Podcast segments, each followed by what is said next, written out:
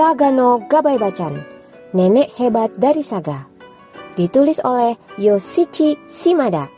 Diterbitkan oleh Tokuma Shoten Publishing di Jepang dan di Indonesia oleh Kansabuk, divisi dari Mahdabuk. Selamat mendengarkan.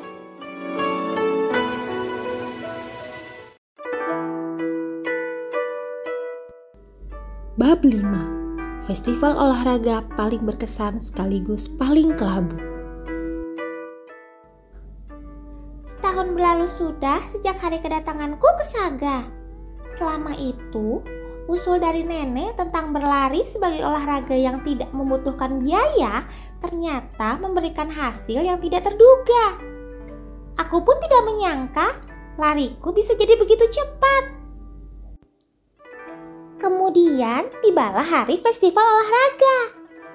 Karena kini memiliki kepercayaan diri dalam berlari, aku sangat ingin mempertontonkannya kepada ibu di festival itu. Ibu, lariku kini sangat cepat. Aku selalu jadi nomor satu saat latihan. Makanya, ibu datang ya ke festival olahraga sekolahku. Begitulah isi suratku ke ibu.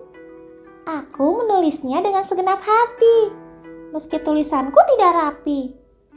Namun, jawaban yang kudapat adalah tidak bisa datang. Meski aku sangat mengerti betapa ibu harus bekerja keras supaya bisa mengirimkan uang untukku setiap bulannya, tetap saja hatiku sedih. Festival olahraga yang tadinya ku nanti-nantikan, mendadak jadi tidak menarik lagi. Aku bahkan berharap agar hujan turun besar di hari itu. Tapi di pagi hari festival olahraga, perasaan muramku langsung terbang pergi. Begitu terbangun akibat suara aneh nenek.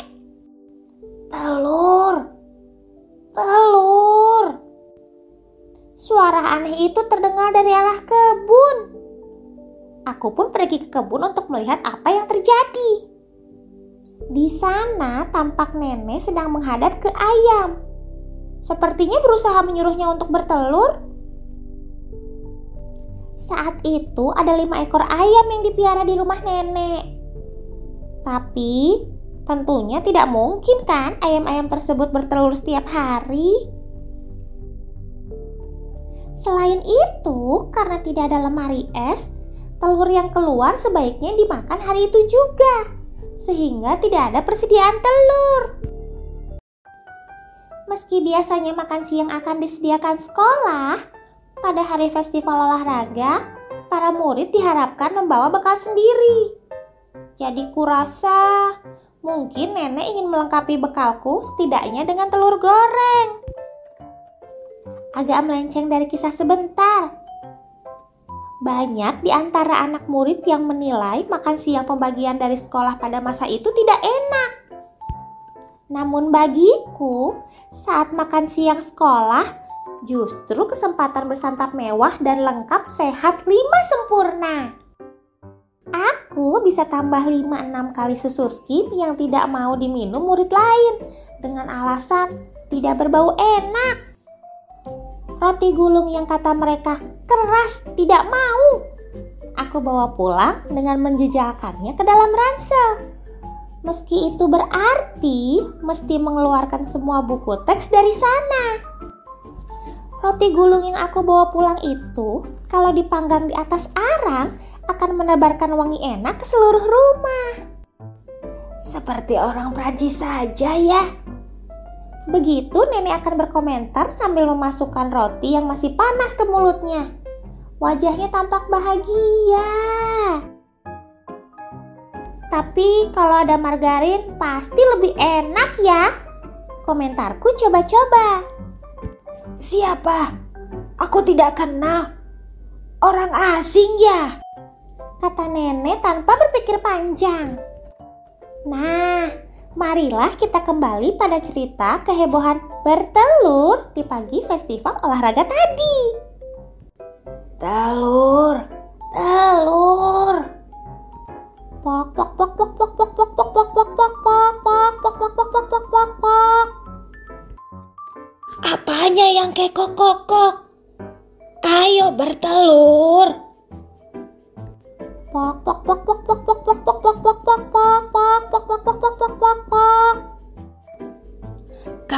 hari ini festival olahraga kan? Bertelur. Bertelur.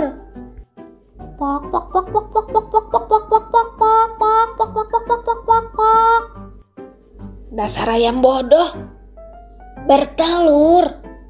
Telur. Meski niat nenek sangat kuhargai, pastinya pagi itu pagi kelabu bagi si ayam. Namun setelah memperhatikan nenek dan sang ayam beberapa saat, aku menyadari sesuatu hal yang aneh. Pada seruan telur-telur nenek kepada si ayam, terdengar jawaban, "Ya, ya," setelahnya. Telur. Telur. Ya, ya. Telur. Telur. Ya, ya, ya. Bila didengar dengan lebih cermat lagi, jawaban seruan nenek terdengar dari rumah sebelah. Nenek yang tinggal di sebelah rumah ternyata juga membutuhkan telur hari itu. Usaha nenek tidak membuahkan hasil. Akhirnya untuk makan siang aku hanya membawa bekal sederhana yang terdiri atas nasi serta acar buah plum dan jahe. Hari itu langit kelewat cerah, namun aku tidak lagi membenci festival olahraga. Tentunya aku masih sedih karena ibu tidak bisa datang. Namun aku tetap berniat untuk mengerahkan segenap tenaga. Ikrar bahwa kami akan bersaing dengan menjunjung tinggi nilai-nilai kejujuran dan semangat olahragawan. Begitulah ikrar atlet yang dibacakan oleh perwakilan murid kelas 6. Kemudian, dengan ikrar tersebut, festival olahraga pertama kali di Saga pun dibuka. Giliranku, yaitu lomba lari 50 meter untuk kelas bawah, merupakan acara utama untuk sesi pagi festival olahraga. Lomba itu ada di jadwal terakhir sebelum makan siang. Lomba memasukkan telur ke kotak, senam, dan seterusnya satu demi satu program telah dilaksanakan. Selanjutnya tiba giliran lomba lari 50 meter. Diiringi lagu bertempo penuh semangat, para peserta memasuki lapangan. Kalau sudah begini, bahkan aku yang penuh percaya diri pun mulai merasa agak gugup. Ambil posisi masing-masing. Siap. Untuk sinyal start ditembakkan. Grup pertama pun mulai berlari.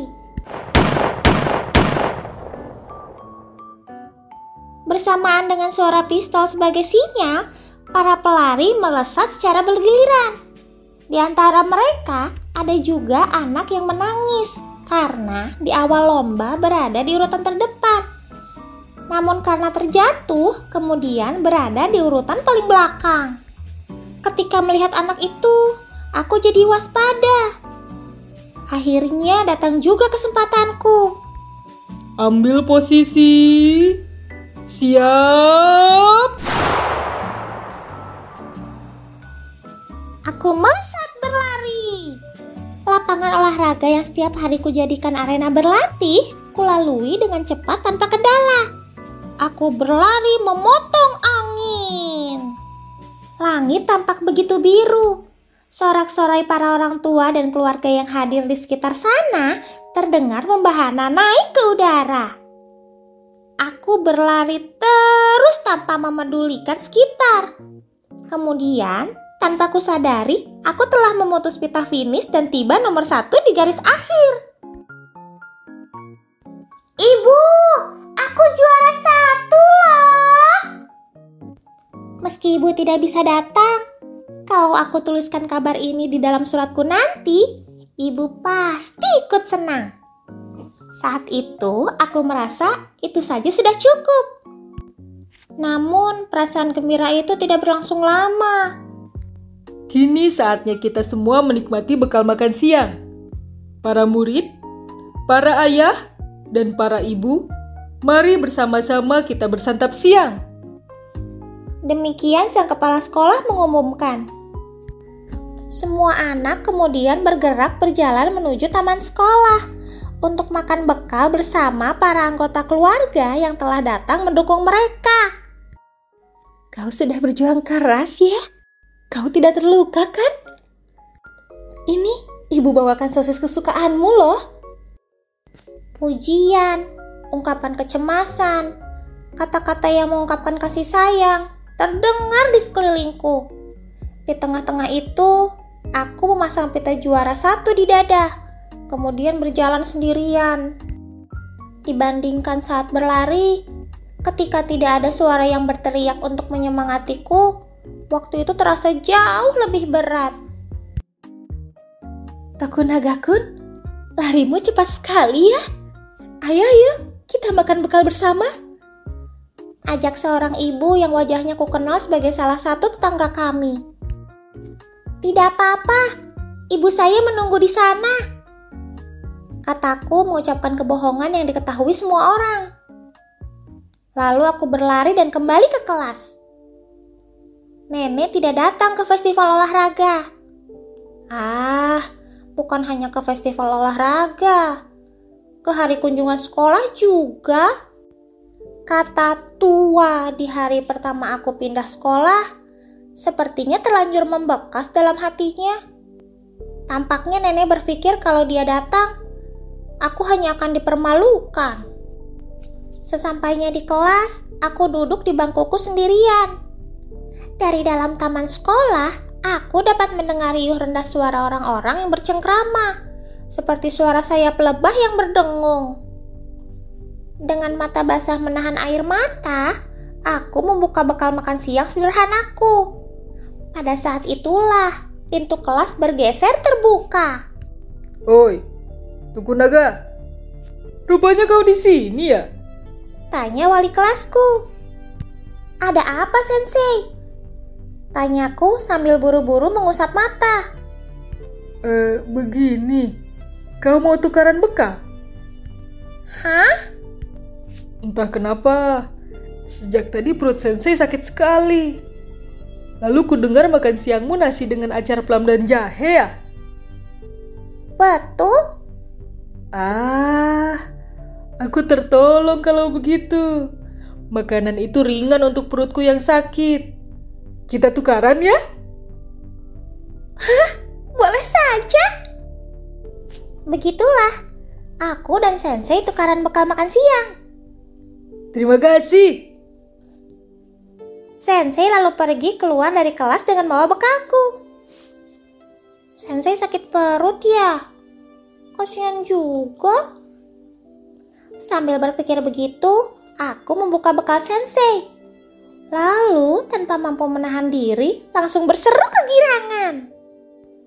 Telur goreng, sosis, udang goreng tepung. Bekal sensei terdiri atas begitu banyak menu mewah yang bahkan seumur hidup belum pernah aku lihat. Dengan penuh konsentrasi, aku langsung melahap semuanya. Tak pernah aku membayangkan ada makanan seenak itu di dunia. Berkat sakit perutnya sensei, hatiku yang menciut agak kembali mengembang. Lalu di perlombaan estafet sore harinya, aku kembali dapat berpartisipasi dengan Satu tahun berlalu sejak hari itu, aku sudah naik ke kelas 3. Lalu, meski aku kembali menjadi pahlawan pada festival olahraga, ibu tidak dapat datang karena sibuk dengan pekerjaan. Saat itu tiba waktunya makan siang. Aku baru saja akan menyantap bekal makan siangku ketika pintu kelas kembali terbuka dan sensei datang menyapa. Oi, Tokunaga. Tahun ini kau juga makan sendirian di sini ya? Iya, sensei. Perut sensei sakit sekali. Lalu ku dengar makan siangmu nasi dengan acar plum dan jahe ya? Boleh kita tukaran? Boleh saja. Tentu saja. Dengan gembira aku bertukar makan siang dengan sensei. Kemudian tahun itu pun aku kembali menikmati menu mewah. Lalu di tahun berikutnya, ketika aku naik kelas menjadi murid kelas 4, wali kelasku berganti dengan guru perempuan. Aku kembali menjadi juara di festival olahraga. Tapi lagi-lagi ibu tidak bisa datang. Kemudian, saat makan siang, pintu kelas terbuka. Hmm, Tokunaga-kun, kau di sini rupanya. Perut sensei sedang sakit. Boleh kita bertukar bekal? Sampai wali kelas baruku pun sakit perut. Dengan polosnya aku berpikir bahwa guru-guru di sekolah ini sepertinya terkena sakit perut sekali dalam setahun. Di hari festival olahraga. Bahkan hingga aku lulus sekolah dasar, aku terus-menerus menjadi pahlawan festival olahraga. Namun satu kali pun ibu tidak pernah datang. Lalu, setiap tahunnya di hari festival olahraga, wali kelasku akan menderita sakit perut. Aku baru menyadari arti sakit perutnya para guruku ketika aku sudah duduk di kelas 6. Ketika pertama kali aku mendengar kisah ini dari nenek. Aneh bukan? Setiap festival olahraga, semua orang jadi sakit perut. Aku dengar para guru sengaja melakukan itu. Hah? Sengaja sakit perut? Itulah kebaikan sejati. Waktu tahu Akihiro harus membawa bekal makan siang, guru-gurumu pasti langsung memikirkan keadaan kau dan nenek, bukan? Karena itulah mereka selalu bilang mereka sakit perut dan minta bertukar bekal. Sepertinya cerita soal ibuku yang tidak bisa datang ke festival olahraga tersebar di kantor guru di antara para wali kelas. Karena itu, Kemudian disepakatilah oleh mereka bahwa setiap satu tahun sekali mereka akan mentraktirku makan enak. Kebaikan sejati adalah kebaikan yang dilakukan tanpa diketahui orang yang menerima kebaikan. Prinsip itu sepertinya merupakan salah satu prinsip dasar yang dipegang nenek. Sejak saat itu pun, beberapa kali aku kembali mendengarnya dari beliau. Kemudian, kisah bekal makan siang festival olahraga ini pun hingga detik ini masih tersimpan dalam hatiku sebagai salah satu contoh kebaikan sejati.